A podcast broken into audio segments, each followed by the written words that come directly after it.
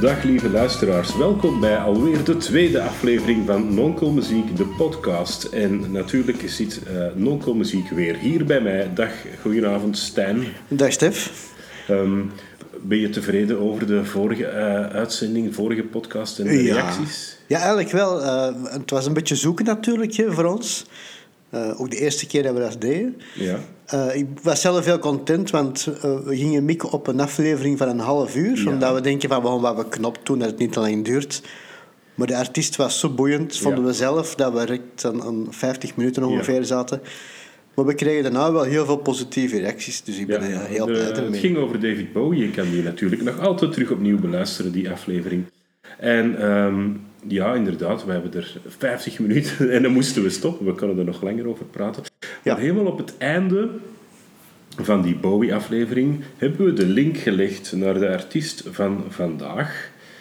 Um, kan je nog eens opfrissen hoe, de, hoe dat we dat gedaan hebben, Stijn? Eens even kijken. Hè. Volgens mij zijn we toen van, van Bowie proberen we dan een link naar onze tweede gast te doen. Ja. En Bowie heeft een, uh, een cover gemaakt van Ja. een nummer van deze artiest die we vandaag gaan bespreken. Uit uh, haar album, uh, het nummer heet ook zo zelf, Wild is the Wind. Wild is the Wind, ja. En Ja, dat is een inderdaad. eh, interessant al direct om over uit te wijden. Want eh, het gaat, dus de artiest eh, die we nu gaan bespreken is eh, niemand minder dan Nina Simone. Inderdaad. Die gaan we als centrale figuur nemen in onze podcast. En daarvan gaan we constant afwijken naar andere artiesten.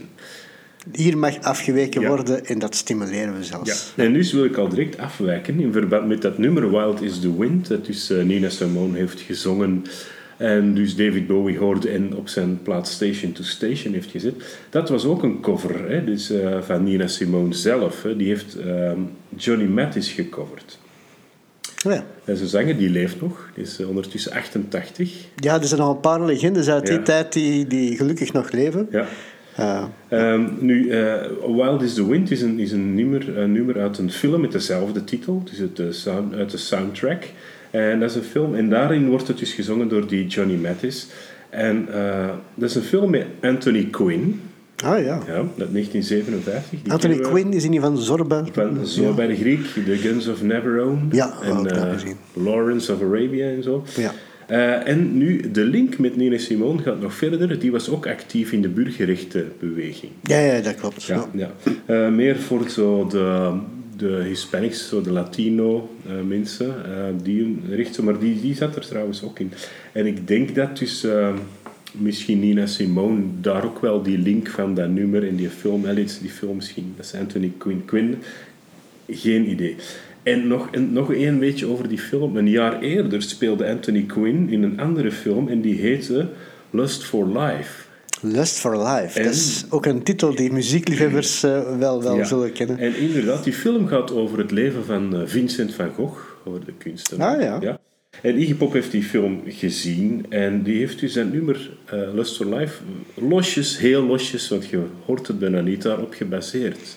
En nu heb ik mij altijd afgevraagd, in Lust for Life is er één zinnetje dat gaat Of course I've had it in the air before. Dan dacht ik, misschien is dat een knipoog naar Ja. het oor van Van Gogh, dat er is afgesneden. de kans bestaat wel, ja. ja. Maar, maar ik wijk nu iets te ver af. Ehm, dus eh, David Bo- Bowie heeft die, die cover van Nina Simone gehoord. Eh, er staan twee versies op twee verschillende platen van Wild is Ja, the Wind. En hij heeft daar ook, eh, dus rond de tijd dat hij Station to Station heeft opgenomen met Wild is Ja, the ja, Wind, ja. heeft hij haar ook ontmoet. Oh, dat is wel mooi. dus hij kende haar persoonlijk. Eh, en dan, ja, en zo is dat dan gegroeid. Ja. Ja. Ik wil ineens verder op ik, nu dat we toch aan het afwijken zijn, over datzelfde album, eh, Wild is the Wind. Want Nina Simone, eh, die schreef wel zelf nummers, maar die heeft heel veel covers gedaan. Ja. Nog een nummer dat zij coverde en op dat album staat, is een dat later door de wereldberoemde Jeff Buckley is overgenomen. Ah, oké. Jeff Buckley heeft maar één album uitgebracht, Ja. helaas, hè, veel te jong gestorven. Ehm, en we kennen natuurlijk het, eh, het bekende nummer Hallelujah, hè, dat ook in de eindlijstjes in de tijdloze altijd eh, staat. De cover van eh, Leonard Cohen Waar trouwens. ze trouwens ooit niet in geloofden. Hè? Dus ze heeft gewoon worden uitbrengen en dat werd zo aanzien als Ja. een bekantje. Ja, maar zo is- Vreemd. dat zijn net de nummers die dan op het einde nog worden geschreven, uh, maar wel direct ja, uit zichzelf komen. En dat zijn dan soms de beste nummers. Ja. Ja. Nu, op het album uh, Grace, dat Jeff Buckley heeft uh, uitgebracht, daar staan drie covers op. Dat is Leonard Cohen, Ja. zijn Hallelujah. Nog een oude traditional, dat is opgenomen in het... waarschijnlijk misschien ook bekend voor de fans van Jeff Buckley, dat is Lilac Wine. Ja. En Lilac Wine is een nummer dat mee op het album Wild is the Wind staat. Oké. Ja. Dat, ja, ze heeft daar een eigen versie van gemaakt, want dat is ook een origineel, uh, een pak ouder nummer. Ik ben even kwijt van wie het is, maar dat is meestal dat het dan vergeten wordt van wie Ja. het origineel is. Jeff Buckley was een grote fan van Nina Simone. Een van de grote artiesten waar hij altijd naar opkeek was Nina Simone. Ah. Ja. Uh, Leonard Cohen, Bob Dylan, de singer-songwriters, maar ook wel zo de, de Nina Simone. Hij heeft er verschillende nummers ook van gecoverd in zijn beginperiode. Ja. Uh, En, wat hij ook van Nina Simone heeft geleerd, denk ik, is om een, om een cover helemaal anders aan Ja, te pakken dan het origineel. hè. Ja, want Nina uiteindelijk, Simone, hij ja. baseert zich op die versie van Nina Simone. Maar zelf heeft hij dan inderdaad met Hallelujah een, een hele eigen versie gemaakt van het nummer van Leonard Cohen. Je zult dat wel eens horen, als je het origineel van Leonard Cohen opzet, dat is een precies Ja, ander nummer. is- een ja. heel ander arrangement. En bij alles wat Nina Simone deed, is dat ook alle covers dat zij speelde, die zijn soms, ben, ja, ik zou niet zeggen onherkenbaar, maar zo Here Comes the Sun van eh, Ja. George Harrison, dus ja, dat is anders. Hè. Eh, zij, zij, ja, zij was een klassieke pianiste. Ja, Hè? Eh, dus ja, de, in haar nummers, die speelt eigenlijk oude jazz standards en zo. en die kon echt inderdaad zo naar zich trekken Ja. en daar dan op los improviseren om het helemaal naar zichzelf Ja, er te zitten trekken. fugas eh, Ja, van alles. Bach Ja, ja, tussen. echt, Allee, zo, echt, eh, ja, je hoort er Bach in en, en Hendel. En, ja, dus, dus, ja, helemaal, helemaal anders dan, dan echte jazz, zou ik maar Ja. zeggen. Ik wil nog heel even verder uitwijken, nu dat toch kan, Ja. daar dient het programma voor bij Jeff Buckley. Eh, Jeff Buckley die, ehm, is trouwens eh, de zoon van eh, Tim Buckley, ook een oude songwriter. En Tim Buckley is helaas door de leeftijd waarop hij gestorven is wat vergeten. Soms omdat hij net te lang heeft geleefd, dat is niet raar, om in de Club 27 terecht te komen. De, de man Ja. is 28 geworden. En dat heeft mij ook wel wat nagedacht over de artiesten die dan zo net ervoor of net erna zijn gestorven. Het is mooi van de Club 27 van die mensen te eren, maar je vergeet dan wel Ja, ja. de mensen die daar rond zijn. Eh, bij de Club 26, als we het dan zo mogen noemen, zien we bijvoorbeeld Otis Redding. En Zo Nick, jong, ja, en Nick Drake. En Ja. De, ja, dan de Club 28, dat is dan Tim Buckley of Avicii, die we ook eh, verschillende jaren al, eh, al kwijt zijn. Ja. Jeff Buckley zelf is helaas ook maar 30 eh, geworden. Ja, ja, dat is waar. Dus, want hij was bezig met zijn opvolger, zijn tweede album. En het is bij dat ene album gebleven. Mhm. Maar misschien terug naar Nina Simone. Eh, ja, ik zei al, dus, eh, ze is klassiek pianiste en eh, Ja. ze zat dus ook eh, op Juilliard, dat is zo een van de Dat is een van de scholen, eh, voor ja. artiesten. Er zijn eh, nog veel bekende mensen daar ooit afgestudeerd. Hè. Miles Davis, eh Ja. Chick Corea. eh, en, en, en ook acteurs natuurlijk. Eh, ik dacht Robin Williams. Ja, daar kan wel. Ja, En, en Kelsey Grammer van de Seinfeld. ja, ja. ja. Die, eh, ja. Dus eh, een school met, ja, waar veel artiesten studeerden. En, en, en zij heeft daar dan ook voor piano gestudeerd. En ik kende dat eigenlijk... eh, vroeger keek ik in de jaren tachtig altijd naar de televisieserie Fame. Ah ja, ja. En die wilde altijd binnen geraken bij Ja. Dus dat, dat is een van de prestigieuze scholen. Ehm, Ja, want wij zien natuurlijk Nina Simone, als je dat van buiten wil zien, van een, een jazzartieste. Zij noemde zichzelf niet graag, want jazz zijn we altijd inderdaad die, die klassieke pianisten worden. ja. Dus wij zien dat vooral van, ja, dat is een, een, een zwarte pianiste, dus dat is per definitie jazz. Ja. En in haar hoofd, ook al heeft ze dan verschillende genres uh, gaandeweg gedaan, was ze op de eerste plaats een klassieke schoolde pianiste. En dat wou ze ook doen. Dus die begon ook met uh, Beethoven, Chopin, uh, noem maar op. En dat was voor haar van, ik ben, ik ben een pianiste met klassieke muziek en ik wil ook zo gewaardeerd Het is worden. eigenlijk vreemd gelopen dat ze toch in de, ja, in, in de jazz en zo terecht is gekomen. Want eigenlijk wou ze na Juilliard ehm, naar een andere school gaan, ook een prestigieuze school, eh, Curtis Institute of Music. en ze was overduidelijk gekwalificeerd ervoor, maar toch werd ze niet toegelaten. En volgens haar, en dat is natuurlijk niet onlogisch, was dat omdat ze zwart was. Hè. We spreken 1951, segregatie. Ja, ja, klopt. Ehm, en dan is zij, ehm, ja, voor, om geld te verdienen, in een bar piano gaan spelen. Ja, want die speelde wel in een kerk, maar ja, dat is heel uh, regulier wat dat je mag spelen dan. Hè. Als het al uh, toegelaten werd, uh, die, ik geloof dat er beelden waren dat ze aan het spelen waren, dat de ouders, omdat die zwart waren, dan maar van achter ja, moesten gaan zitten. Ja, die moesten dus, naar hun eigen kind kijken. Ja, verschrikkelijk. Ja, Dus ik kan me voorstellen, als hij dan zich wilt ontplooien en, en meer muziek wil doen, ja, dan kom je in een bar terecht. Maar dat was niet evident, hè? Nee, en ook, ze, ze had daarom ook een schuilnaam. Omdat uh, de ah, barman had gezegd, je moet ook zingen, want normaal zongen ze niet. Hè. Uh, je moet bij de liedjes zingen, dat hebben de mensen graag. En dat was dan eigenlijk de devil's music, hè, blues en zo. Ja, ja. En dus haar ouders mochten dat dan niet weten, dus had ze een schuilnaam. Ja, want Nina Simon is niet geboren als Nina nee, Simon. Nee, ik weet niet meer juist hoe dat ze heet. Uh, ja, ik heb het hier... Uh, ja, ik, hoop dat ik het juist kan uitspreken, ja. want we kennen natuurlijk de naam Nina Simon beter. Uh, Eunice Kathleen Wayman. Ah ja. En, maar Nina Simone is afkomstig van het Spaanse ninja, kleintje. Ja, dat was een beetje een, een, bijnaam dat ze ja, wat kreeg. Dat van een vriendje toen, denk ik. En Simone komt van Simone Signoret dat is een eh, Franse actrice die getrouwd was met Yves Montand. Ja. Wel interessant, een interessant weetje. En uh, die, die waren ook heel politiek geëngageerd. Dus ik denk dat, uh, er toen al wat dat die haar naam niet voor niks naar die vrouw uh, heeft vernoemd. Omdat ja, Montand was gevlucht voor, voor ja, het fascisme van Mussolini uit Italië, was in Frankrijk gaan wonen. En mogelijk was dus ja, Simone Signoret, die, de, de vrouw van Yves Montand, een, een voorbeeld voor Nina Simone's uh, eigen activisme, denk ik. Allee, ze, zal, ze zal niet voor niks die naam hebben gekozen. En Yves Montand, we dan toch mogen uitwijken, Je mag het, hè? Uh, was een, ook een bekende zanger die zijn carrière begon echt goed toen hij het voorprogramma van Edith Piaf ooit had gedaan, blijkbaar. Dus ja, zo. Dat is mooi. Ja, plotseling naar de Franse chanson van, vanaf Nina Simone. Ja, waarschijnlijk daarom ook dat Nina Simone later ook de, richting Europa trok. Een, deel natuurlijk om het, uh, het racisme dat nog veel harder was in, in Amerika dan, dan hier. Uh, om dat wat ontvluchten. Er zijn veel van die artiesten die naar hier zijn getrokken. Bijvoorbeeld Jimi Hendrix is ook zijn carrière in Engeland begonnen. Uh, ja. Omdat het moeilijker was in, in, in Amerika zelf. Ja. Maar ja, daar gaan we straks misschien nog verder over uitwijken, over Nina Simone in Europa.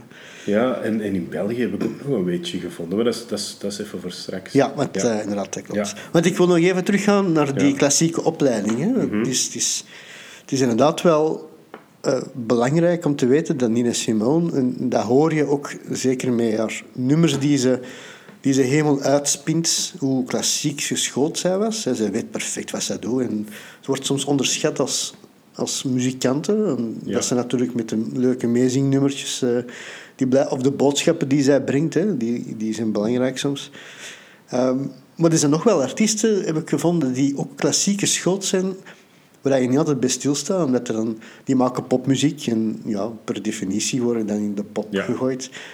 Maar veel artiesten houden zich niet aan die lijntjes, aan de grenzen en die zoeken uh, jazz en uh, de artiest die we trouwens een volgende keer zullen bespreken, heeft een, een jazzopleiding, maar dat is voor straks.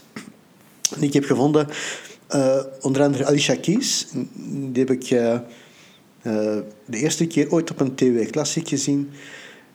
en je merkt aan haar pianospel dat die echt wel wat kon. kan dan de vingers. En die heeft echt een klassieke opleiding op haar albums. Zie je dat ook wel, dat hij soms een intro doet met nummers van Chopin. Beethoven zweeft daar heel hard in. Uh, dat komt heel sterk naar voren. Ja. Het is niet zomaar de popster. Natuurlijk, dat is een manier om, om bekend te worden, natuurlijk. Maar de achtergrond is echt klassiek. Ja. Ik heb nog uh, Katy Perry, die heeft uh, opera gevolgd, Italiaanse opera. Dat hoor je natuurlijk nu minder, maar ik kan me wel voorstellen dat die basis, die technieken wel, wel bovenkomen. Ja. Ik ga er nog een paar even noemen, want er zijn er heel veel. Lady Gaga, die heeft ook sterke pianoopleiding en vooral Bach uh, heeft zij zich ja, de voorliefde is hij voor Bach. Annie Lennox, die we kennen als popster, Ja. die heeft fluit gevolgd. Uh, conservatorium, de Royal Academy of. Music. Ja. Uh, soms helemaal niet verwacht als uh, Nicole Scherzinger van de Pussycat Dolls. Iemand die totaal niet met klassiek, maar die heeft een klassieke opera zijn gestudeerd. En als een slot, heel verrassend dat ik las, was Ariana Grande.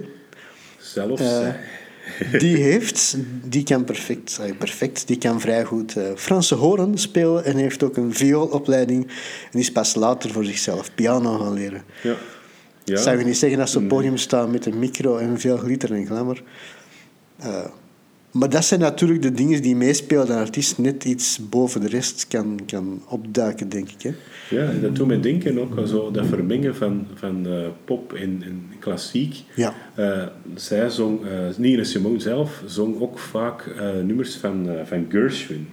Ja, en. Die, ja, die, die maakte operas met jazz-invloed. Ja, dus bijvoorbeeld I, I Love You, Porgy, het Porgy en Bess. Daar heeft zij een heel beroemde versie van. Ehm, ik denk dat van, van Porgy en Bess, ja, dat is een, dat is een, eh, een opera uit 1935. ja dat is dan eh, vrij oud, ja. Eh, en met, en, ja, ik kan me moeilijk voorstellen, maar zelfs in 1935 was dat op Broadway met een, met een zwarte cast. Hè. Dat was toen vooruitstrevend. hè? heel vooruitstrevend. En ja. New York is natuurlijk niet Mississippi, maar dat was toen al... Dat is trouwens ook het enige nummer, het, het enige nummer waar ze mee in de top 20 heeft gestaan in Amerika. Een, een deel omdat zij gaandeweg eh, heel politiek werd met Ja. haar nummers. En dat is, heel knap, want dat zijn de nummers die ook wel zijn bijgebleven. Eh, ze werd ook wat opzij geschoven, eh, maar het, enige nummer waar zij in Amerika echt mee in de top 20, ik zeg nog, er is zelfs nooit een nummer 1 gehad daar, hè. ja, ja. Dat is dat nummer uit I Love You Porky, Ja, ja. uit eh, die musical. Ze heeft trouwens een versie eh, vooral gevolgd van eh, Billie the Holiday. ja. Eh, want dan, die musical is door de jaren wel wat opnieuw uitgebracht, ook Ja. een film van gemaakt. Zij heeft vooral de versie van Billie Holiday. En ze hebben elkaar ook even ontmoet. Die ehm, eh, nog meer bekend uit Porgy and Bess is eh, Summertime. Dat is, nog, Ja, dat is ook een klassieker, inderdaad. Eh. Eh, dat, is ook een gedaan versie van, ook van, ja, van Billie Holiday natuurlijk, maar ook van Sam Cooke en Janis Joplin ook. En ehm, Gershwin, die die opera heeft geschreven, als ik even mag uitwijken, heeft een van mijn favoriete, favoriete orkestrale stukken ook geschreven, eh, Rhapsody in Blue. Ja, 1924 was dat.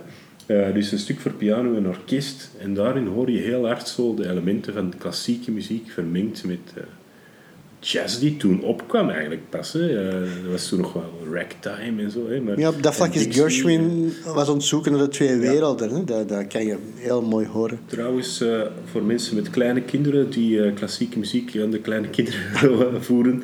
eh, Rhapsody in Blue is ook een heel mooie versie op Fantasia 2000 van Disney. Ah, Dat is nice. een heel, een heel goede... ja, is een tekenfilm. Ja, ja. Eigenlijk is dat één lange videoclip van Disney. Een hele, hele mooie trouwens, eh, vol klassieke muziek. Ja. Eh, sommige nummers to- waren toen vrij jong, hè, want uiteindelijk is een film begin jaren 40, denk Ja. ik. Eh, Stravinsky zit daarin. ja, is, die, die mannen leven nog allemaal. toen, Hè? hè. Nee, nee, nee, die mannen leven nog. Hè. Ja, ja, Dat is echt knap. Nu, ik zocht dus ook eh, op van, eh, ja, over wat Porgy en Bess nu weer. En Ja. dat is eigenlijk een, een vrij rauw verhaal. Dat gaat over een, een kreupele bedelaar die een meisje eh, wil redden uit de klauwen van haar eh, vriend die haar mishandelt en een drugdealer. Want hè, Oei, over ja. verslaving. Eigenlijk zijn dat elementen die in het leven van Ines Simone ook terugkomen. Hè. Dus er staat eerst een soort van droomhuwelijk. Ze was getrouwd met een eh, politieman Ja, ja, klopt. die eh, zijn job opzij en gewoon alles voor haar deed. Eh, die werd haar management, hè. ze kreeg succes, hè. die zorgde Ja, ervoor. die heeft inderdaad wel veel, veel geholpen voor haar. huis, een kind. Hè. Ja. Maar dan eh, Ja. werd, allee, gaat dat huwelijk de foute kant op en zij wordt dan ook mishandeld. Ja, dat is En, inderdaad... stevig veel, veel minder. mishandeld. En eh spijtig genoeg, we moeten dat erbij zeggen, eh, heeft Nina Simone ook later haar eigen dochter mishandeld. ja, Dat helaas is wel. eh, onder invloed van ik, ik, pillen, psychose. En ik, ik, kan niet, ik zal niet goed praten natuurlijk, dat is verschrikkelijk. Maar Ehm, Ik denk dat zij inderdaad achteraf, dat er, zeker naar het einde toe, dat er stoornissen werden vastgesteld bij haar. ja, wat uiteraard nog altijd niet, niet goedkeurt wat je dan met je kinderen doet. Eh, maar wat misschien begrijpt waarom dat er heel veel frustraties is zijn. Ja. En zeker in de latere periode, waarom dat zij werd beschouwd een beetje als een, een moeilijke diva. ja, ja. ja. Eh, Maar eh, ook tegenover Martin Luther King bijvoorbeeld, zei ze dat zij niet zo vredelievend was als hij wel wou. Dat zij, nee, klopt. Want zij, was, ja, zij was iemand die met een shotgun naar Mississippi de Ku zou gaan opzoeken. Hè. Nina Simone is ook altijd meer een aanhangster geweest van eh, Malcolm X. Hè. Eh, wie een beetje de geschiedenis rond die periode kent, je had dan de meestal vredelievende Martin Luther King, die vooral met woorden probeerde van mensen te overtuigen. Ja, Malcolm X was even goed met woorden natuurlijk. Hè. Hij heeft niet, niemand eh, vermoord of zo, gelukkig.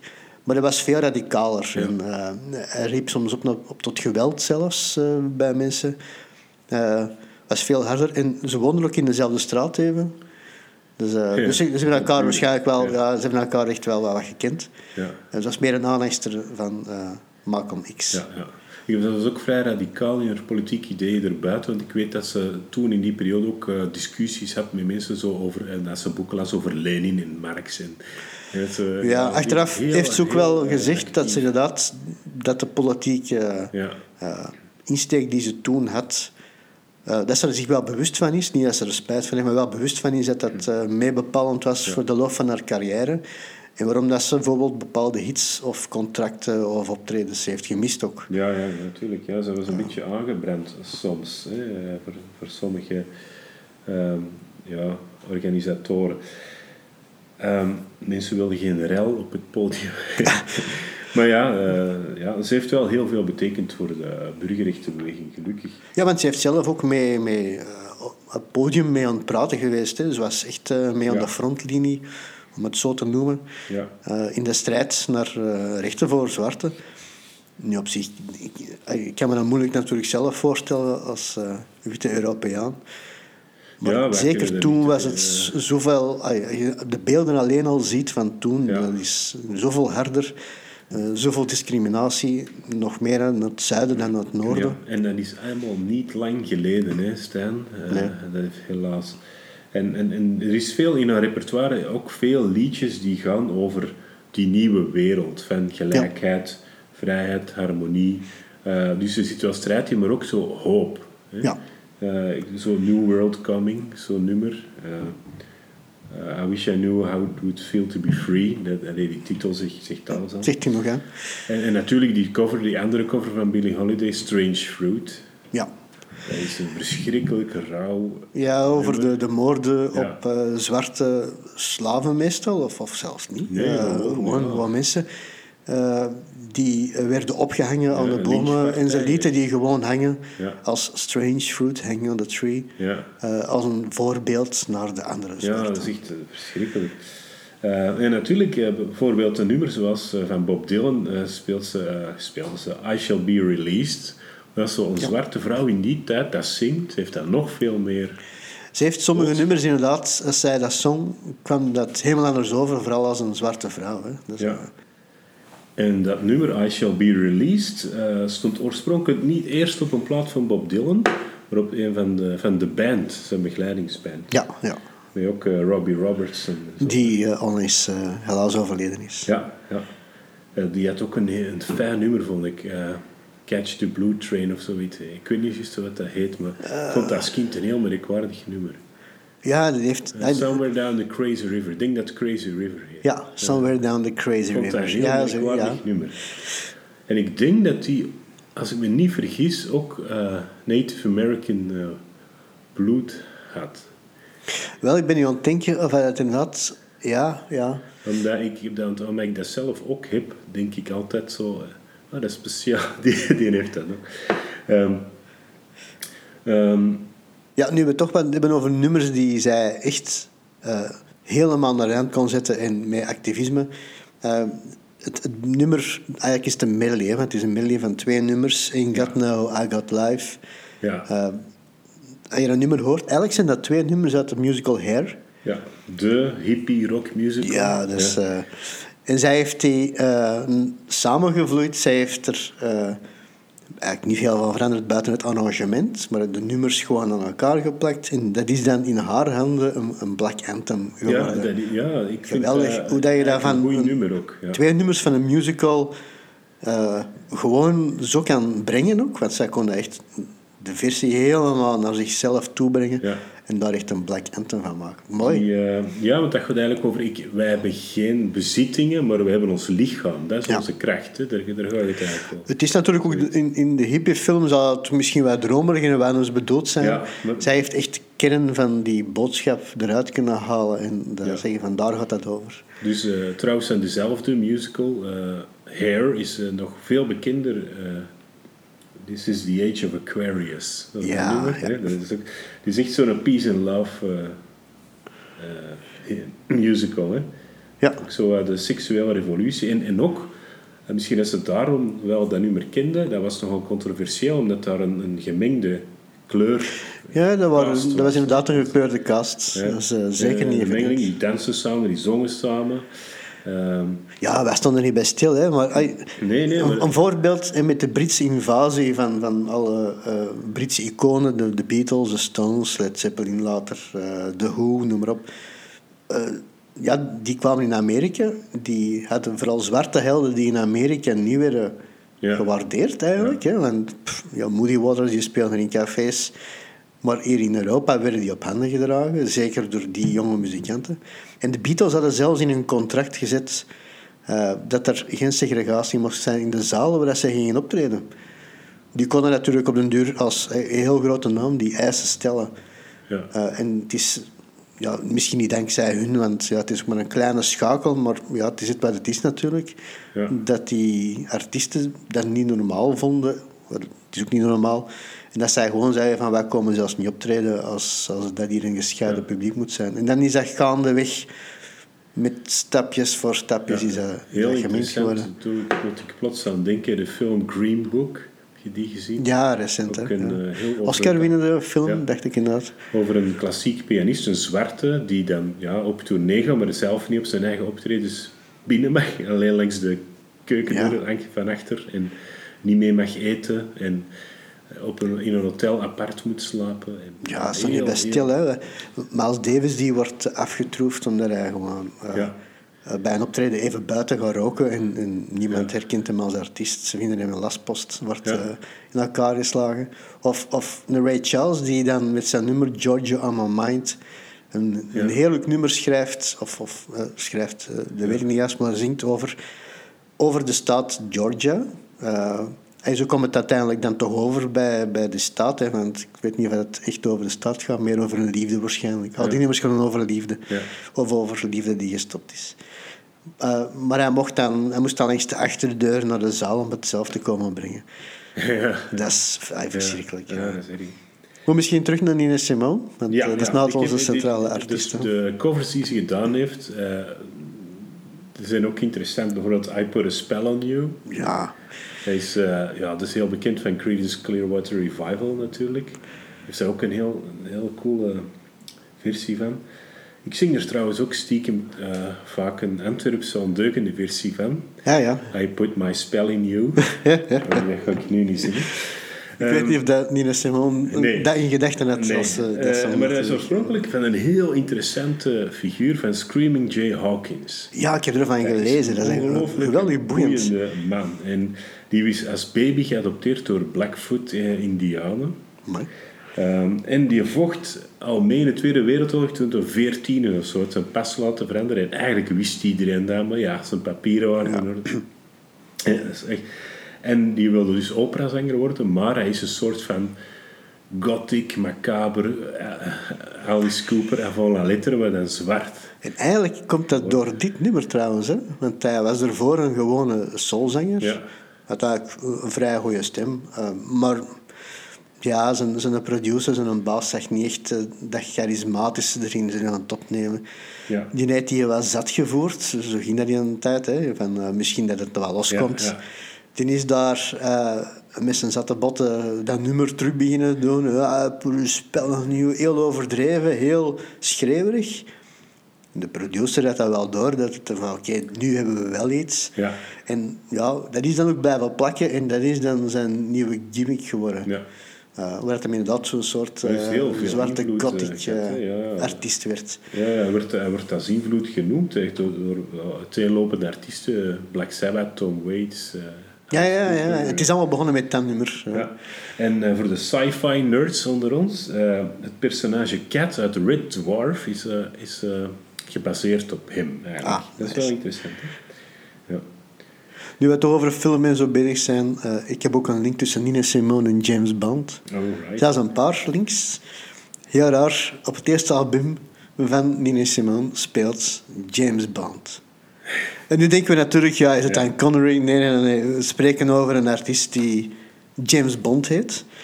Die eh, speelt op het eerste album. Dat is gewoon een, ja, dat is ook een beetje een algemene naam. Maar dat is wel Ja. leuk om te zien hoe dat album dat doet. Ja. Bas eh, was het, geloof ik, eh, dat hij, ja, James Bond, dat erop staat.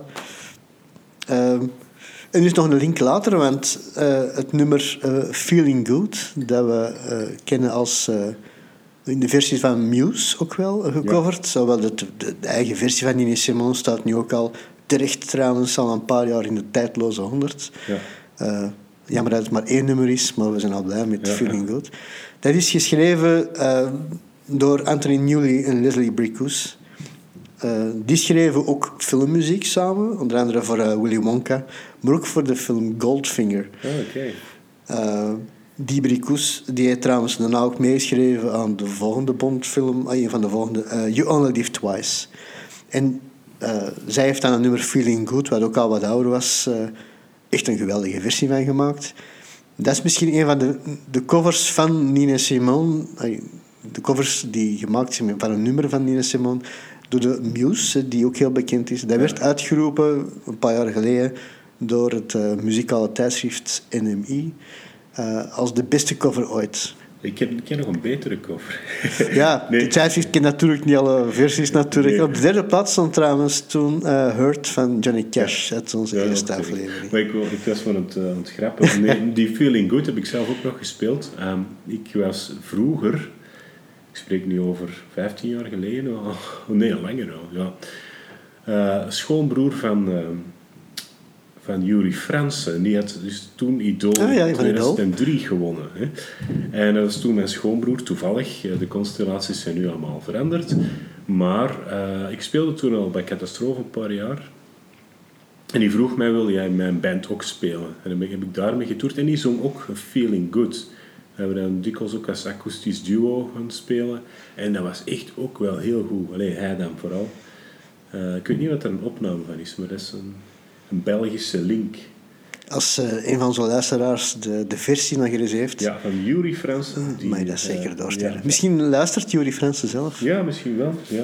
Hij is nog een vriend van mij, dus zou best kunnen. Ik heb nog een, eh, nog een Belgische link uit die tijd. Ja, mooi. Eh 2008 of zoiets, denk ik, bezocht ik een optreden van Desmona, Ah, ja. een Belgische band, van Gregory Frateur. Hè. Ja. Die, die is begonnen trouwens als backing vocals bij Daan. Ja, ja. Hè? Dat is een heel, heel goede stem. Eh, en die speelde toen samen in een andere band, de Vanjits, eh, een tributeconcert met nummers van Nina Simone. Ja, mooi. Ja, en Frateur, eh, ja, dat is een van de grootste bewonderaars van Nina Simone in België. Eh, en, en ja, de covers die hij ervan brengt, echt, dat is echt de moeite, dat moet je eens opzoeken. En die zijn stem wordt vaak ook vergeleken met David Bowie. Wat dus, wat Ja, ik mij ook afvraag, bestaat er een versie van Wild is the Wind van hem? Dat is zo een Ah, ja. mooie, tussen de twee zou zijn. Ja, dat is wel mooi. Ja. Zou- Ik vraag het me af. ja. Eh, een andere Belgische eh, link die ik heb gevonden is dat ook natuurlijk Ne me quitte pas heeft opgenomen. Nina Simone. Eh, ja, in de Engelse, Engelse versie dan, Ja. denk ik. Hè? Ja. ja. Dus dat was. En wat we elke aflevering doen, of wat ik graag elke aflevering zou doen, is hoe heb je Nina Simone leren kennen? Ja. Stijn? Heb je daar nog een herinnering aan? Eh, ja, is te zeggen. ehm, ik denk dat. eh, ik heb vroeger Nina Simone vooral leren kennen, denk ik, via haar popnummers. Want bij de, van thuis uit had ik niet echt eh, de, de jazzmuziek mee. Heel andere mooie muziek natuurlijk, maar niet echt de jazz. Uh, of soul of klassiek, zoals ik het uh, met de woorden van Ines Simon zelf mag zeggen. Dus ik kwam al snel in de nummers zoals uh, ja, The Feeling Good, denk ik ja. wel. My Baby Just Cares For Me. dat zijn nummers die dan later in zo'n reclame werden gebruikt. Ja. Dus ik denk echt het nummer waar ik ze mee heb leren kennen als van oké, okay, iets met een legende. En dat ik nu nog altijd zelf in de, mijn top 3 instuur uh, voor de tijdloze alle jaren. Uh, jullie mogen dat doen, want het is, het is er nog niet ingeraakt. Dat is. Een, uh, een, oude, een oude gospel trouwens. Maar in haar versie, dat, dat duurt iets meer dan 10 minuten. waar ze echt helemaal losgaan met de solo's, met een piano, dat nummer rekt. En, en je voelt dat gewoon opborrelen totdat het gaandeweg een explosie ja, dat is een aanrader, Sinnerman. Dat is echt een, een heerlijk, heerlijk nummer. Ja. ja. Mijn, mijn, persoonlijke eerste herinnering, herinnering, was toen ik tien jaar was. Dat is helaas al in 1987 was dat. Eer, um, eergisteren dus. Uh, dat was dus... Um, dat is een commercial van Chanel nummer 5, waar het dus My Baby don't, uh, Just Cares For Me ja. werd gebruikt. Maar dat was al een nummer in 1958. Ja, dat is een oude. Dus, uh, een van de eerste albums kwam dat al uit. Vrij uh, obscuur eigenlijk, nooit echt een hit geweest. Ja. Maar toen, uh, wel, de mensen vonden dat leuk, kenden de commercial. En toen heeft iemand het idee gehad om er een stop-motion videoclip van te maken met, zo met plasticine. Zo ik kan me dat nog herinneren. Ja, en ik vond dat als kind geweldig. Uh, dat is trouwens gemaakt door Peter Lord, die later wel Wallace and Gromit en Chicken Run Ja, dat is, uh, die, die, ja, geweldig. is heel, heel grappig. Maar dat werd dus nummer, uh, nummer 1 niet. Hè. In België nu, nummer 2, geloof ik. Nederland nummer 1. Ja, het heeft in ieder geval veel meer succes gehad in Europa, omdat die reclame hier werd gedraaid. Ja, uh, En eigenlijk nog altijd niets in, uh, in Amerika zelf. En die piano solo, ik vond als kind, ja, in die tijd hoorde Wham en, en weet ik veel op de Ja, dat was heel uh, Fate van George Michael was in 87 geloof ik een hit. Maar dat nummer met die piano solo, en toen ben ik als kind besloten, ik ga ook piano leren. Dus door die solo ja, ik blijf altijd... Ik, ben ik dat beginnen doen? Want ik speel zelf uh, piano. Ik, ik, doe mijn best toch. Uh, ook op de academie. Uh, dat is ook een nummer dat mij altijd is bijgebleven. Ja. Alhoewel dat ik vorig jaar heb ik trouwens Nina Simone gespeeld voor mijn ja, examen. Is dat niet? Een, een, openbare proef dat je dan moet afleggen. Ja, om te laten zien hoe ver je aan staat. En ik heb toen een een oud nummer genomen, een jazzstandaard, in de versie dan van Ines Simone natuurlijk. Ja. Want die versie vond ik dan veel cooler. Ja. Uh, I, was, I Wish I Knew. Ja. Uh, heel leuk om te spelen. Ik heb uh, met veel plezier gedaan. Dus, ja, ja. Wij gaan elke aflevering ook proberen om alle nummers die we bespreken in de podcast in een playlist te zetten. Dus ja. uh, is er een filmpje van, van jou die, de, die dat speelt? Uh, ja, er is een filmpje van. Ik, ik, weet niet, nog, nog niet op YouTube. dat erbij zitten. maar het bestaat wel, ja, ja. En ja, nog één ding over die Claymation video. Hè. Dat was toen het begin van een korte hype. Dus... Ah ja, dat was nieuw. Later, ja, of, of, iets ervoor, of dezelfde tijd, hebben ze ook van Jackie Wilson gedaan met Reed Petit. Dat is ook een nummer, 1957, dat zo 30 jaar later een hit werd. Maar toen was Jackie Wilson al drie jaar dood, dus helaas heeft hij... Ik kan me herinneren trouwens, want ik ben wel opgegroeid met de Strangers. Dat die een cover toen deden van uh, Rete Petit. Ja. ja. en dan is dat origineel blijft dan ook hangen, want ja, dus, het is niet alleen een Eurosong-nummer dat zij deden natuurlijk. Hè. Dat is uh, ook een klassieker. Uh. Um, ik ben even aan het kijken misschien wat terug in een tijd. Ik had er straks al gezegd dat Nina Simone het uh, helaas in de hitlijst in Amerika dan toch uh, niet zo goed. Hè. Gelukkig heeft zij een tweede, een tweede adem wat gekregen in, in Europa. maar in Amerika een, een, deel omdat ze niet echt naar waarde werd geschat in mijn ogen, maar ook gaandeweg meer activisme wat opzij werd geschoven. heeft zij, ondanks haar legendarisch repertoire, is zij bij leven zelf maar twee keer genomineerd geweest bij de Grammy Awards. De, de, Grammys, de muzikale prijzen, een beetje vergelijkbaar met de Oscars. Ja. Je op zich natuurlijk zijn wel prijzen, maar het, gewoon het feit alleen al dat je zelfs als icoon maar twee keer werd genomineerd. Ah, genomineerd dat is, uh... En het toeval wil wel, dat is dan uh, opvallend natuurlijk, ze is twee keer genomineerd en ze is twee keer erin verloren van Aretha Franklin. ja, Aretha Franklin die won, die won vrij veel. Hè. Die, die heeft uh, jaren achtereen in zo de, ja, heel veel categorieën natuurlijk bij de Grammys. Ik denk de, de Soul of the Jazz uh, heeft zij de eerste zeven, acht jaar gewoon losgewonnen. Ik denk dat Amerika nog niet door had dat er wel wat meer talent was. Los van het feit dat Aretha Franklin natuurlijk wel goed is. Hè. ja. Uh, trouwens, de tweede keer dat ze won, dat was dan met een, een, nummer dat zij had gecoverd van uh, Nina Simone. Okay, dus Nina Simone weer al had een, een, een, sterk album dat heel naar waarde werd gebracht. Uh, dat sloeg niet aan. Uh, ze werd ervoor genomineerd. Denk, nee, ze werd niet voor genomineerd. Dat, dat, ja, wel, voor het album zelf wel. En Rita Franklin had een nummer gehoord dat op de album stond. Even kijken als ik hier Black Gold. Die heeft dat gecoverd en die heeft er dan wel de Grammy mee gewonnen. Dus uh, helaas. Ja, ja, Later is ze trouwens nog na haar overlijden dan toch twee keer genomineerd. Hè. Meestal komen dan de prijzen te laat. Uh, nominaties helaas maar. Uh, ook weer niet gewonnen. Eén keer voor een documentaire. Uh, What Happened, Miss Simone. Ja, nu nog altijd dus, op Netflix. Dus ja, is een hele, hele boeiende... Aanrader. Echt een aanrader. Het levensverhaal. Ja. ja. dus ook terecht. En dan is ze nog een keer gesampled geweest uh, door Jay-Z. Uh, en dan is ze genomineerd geweest bij de beste rap song. dat is ook wel raar. Oké, als een klassieke artiest begonnen, ja. uiteindelijk dan de laatste nominatie bij de beste rap song. Ja, dat is wel ik heb nog één ding gevonden dat ik wel interessant vond. Dat is ook een legendarisch nummer, The House of the Rising Sun. Van de Animals, onder andere. Onder andere ja, dat is eigenlijk al... Covered, hè? Ja. ja, dat is eigenlijk een, een nummer van de jaren 20 of zo, de, uh, of, of nog ouder. Ja, ja dat is, dat is nog een ouder, hè? Ja. Uh, sinds de jaren 20 zijn er al opnames, zijn waarschijnlijk uit de 19e eeuw. Ja, ja, dat heel, want iedereen zoekt dan waar het, dat huis staat van de Rising. Het is een traditioneel volkslied eigenlijk, het, het de streek van, van Louisiana. En zij heeft daar ook gezongen. Dat gaat over zo'n groezelige bar of bordeel, waar ze eigenlijk in het begin zo wat begonnen is met zingen. Dus misschien daar. heel bekender, ja. En natuurlijk, zoals hij al zei, de, de bekendste is van uh, The Animals. Hè? Ja. En het grappige is dat, die, uh, dat Dylan uh, er ook al een versie van had opgenomen. Ah, die is toch minder bekend dan. Hè? Ja. Maar dus, die wilde dat live niet meer spelen, omdat hij de versie van de Animals hoort. Die die zo goed, en die was zo populair, dat dacht, ja... Ja, dat je toch niet over... zou uh... denken dat ik de Animals ja, uh, cover. En, maar... Uh, hij was wel onder de indruk van de orgel, van de orgelpartij ah, op dat nummer. En toen dacht hij, ik wil een organist bij mijn volgende album.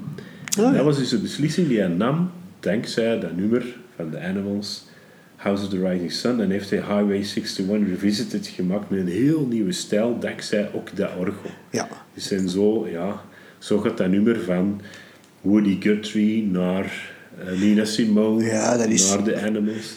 Dylan wordt ondertussen misschien wat, wat, wat neergezet als een... Ja, welke leeftijd heeft hij natuurlijk, ja, als een wat oudere man die in, met volkmuziek in het verleden leeft. Maar toen was hij echt wel bezig met de nieuwe de nieuwe muziek. Hè. Hij ging plaatjes zoeken en zo. Inderdaad, hij werd dan heel sterk beïnvloed.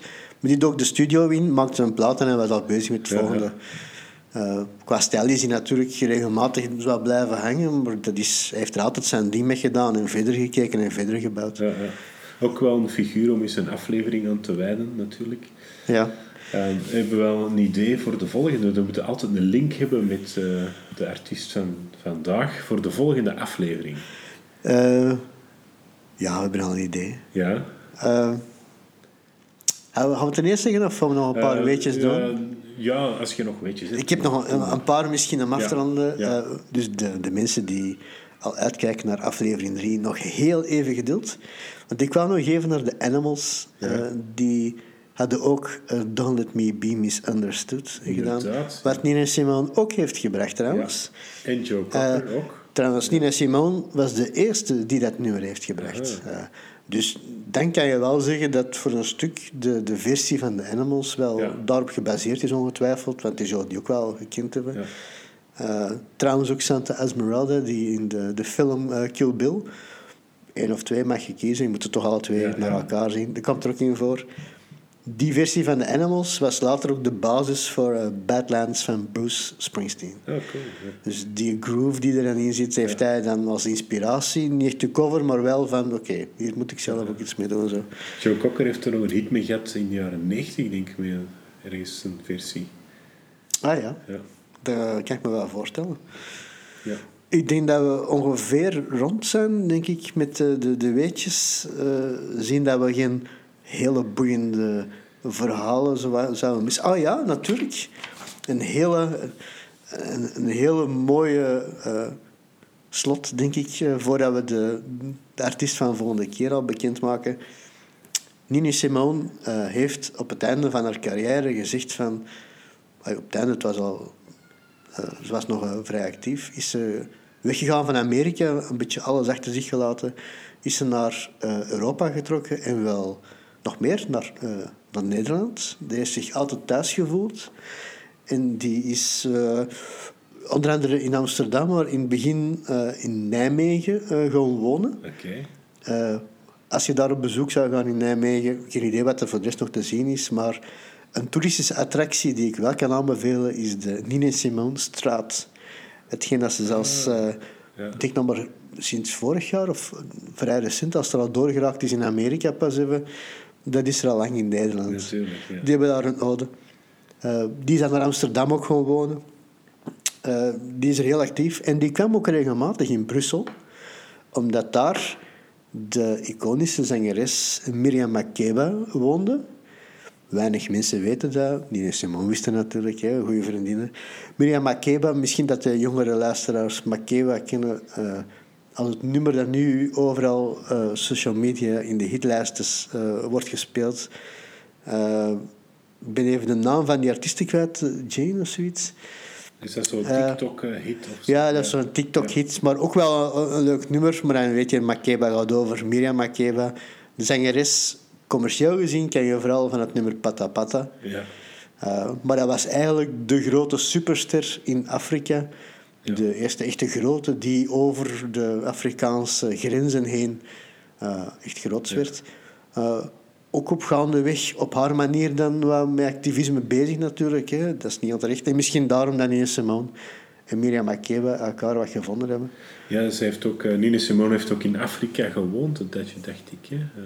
Ja, ja, ja. Liberia of zo. Die heeft inderdaad wel eh, ja, weer weg ontzoeken geweest. Ik denk dat ze vooral weg wou van al die druk. eh, relatie die op de klippen leeft met die man Ja. die eh, haar toch mishandelde.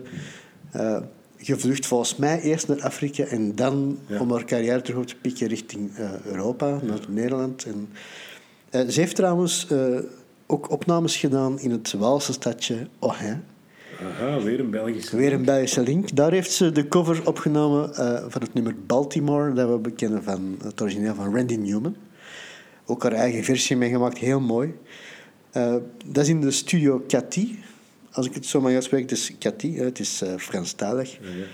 Ja, in diezelfde studio heeft trouwens Marvin Gaye zijn Sexual Healing opgenomen. Als hij ook een tijd hier in Oostende was, zeker. Geweldige nummers schreef. Maar dat ene nummer heeft hij in Wallonië opgenomen. Dus, ja. Dus eh, weet je dat ik uit het boek van Jean Blouten heb? Ik heb die ook thuis. Ik heb, Ja. ook, ik heb ook gelezen. Over de- over Je moest Jean luisteren, Ja. kei tof boek. hè. Ja, die, eh, ja, ik vind dat ook een geweldig boek. En een, een ding dat ik er onthouden heb, dat gaat over principe. Hij, ze vroegen aan hem, wil je een nummer eh produceren van iemand, maar Ja. je krijgt, allee, maar gewoon, je krijgt niet je rechten of zo, je krijgt gewoon betaald voor een uur of weet ik veel. En hij heeft dat geweigerd en dat was Sexual Healing van uh, Ja. Marvin Gaye. Hij wist dat niet, maar dat, dus dan bleek dat over dat nummer te gaan. Dus dat, dat had van Jean Blouten kunnen geweest zijn, maar hij had er nooit iets voor gekregen gehad. Dus heeft gelijk met dat gestuurd. Ik denk ook wel. Jean Blotten heeft zoveel prachtig werk gedaan. Volgens mij ook veel gemist Ik financieel. weet niet of ik het juist vertel, maar... Ja, nee, komt er ik inderdaad op neer. Ik heb het boek ook gelezen. Jean Blotten mag altijd sturen of te gast komen Ja. als het niet correct is, Ja. natuurlijk. Eh, ik denk net als wat de, de, in een notendop, Uh-huh. een grote notendop, maar dat zijn grote noten. Ja. En voor de mensen die tot hier zijn geraakt, Ja, ja. die, de- die komen te weten wie de volgende centrale figuur gaat zijn. Ja. En de volgende artiest, ik ga de naam ook ineens zeggen. eh, dat is eh, Sting. Ja. De bekende frontman van The Police. Uh, maar ook solo een indrukwekkende carrière. Samengewerkt met vele namen en artiesten die we in onze volgende aflevering gaan horen. En uiteraard hebben we nog een link tussen Nina Simone en Sting. Want die heb jij gevonden, Stijn? Die heb ik gevonden. Sting die uh, had, als ik het goed voor heb, iets van Rainforest uh, benefietconcerten dat hij al jaren deed. En een van die concerten, als ik me niet vergis, 2003, dan was uh, Nina Simone ook mee te gast op het uh, optreden bij de Benefiets. Uh, ah ja, ja dat is heel mooi. Ja. Ja, ja, de allebei geëngageerde mensen natuurlijk. Ja, misschien nu wel even als voorproefje, voor, want ik wil niet te veel over Sting hebben, maar ik zag onlangs op, ik denk op Instagram zeker, een filmpje passeren uit een van die episodes, een van die reeks Benefiets, want dat is verschillende jaren. En dat was Sting die samen met Pavarotti een, een nummer aan het zingen waren, een ah, klassiek, ja, klassiek nummer. Ja. ja, Pavarotti natuurlijk helemaal uitpakken, Sting ook meezingen op zijn manier, klassieke schoot. En ineens worden die alle twee echt tot op, met de voetjes op de grond gezet, reality check. Je ziet zelfs Pavarotti gewoon met open ogen kijken, want wie staat er aan een andere micro die het ineens overpakt? Dat is Whitney Houston. Ja, en die zingt Die haalt dat gewoon uit. Dat is zelfs Pavarotti weet van, ja. oké, okay, ja, ja, jij kunt zingen. Die, kan, die kon echt iets. Hè. Ja. Oké, okay, Sting dus volgende keer. Ja, heel veel over te vertellen. Ja, ja. Heel mooie verhalen van gevonden. Oké, okay, uh, lieve luisteraars, tot ziens. Uh, nee, tot ziens moet ik niet zeggen. Um, misschien wel in het echte leven, dat kennen we altijd. Hè? Um, en ja, bedankt om te luisteren en tot in de volgende aflevering. Tot ziens. Tot ziens.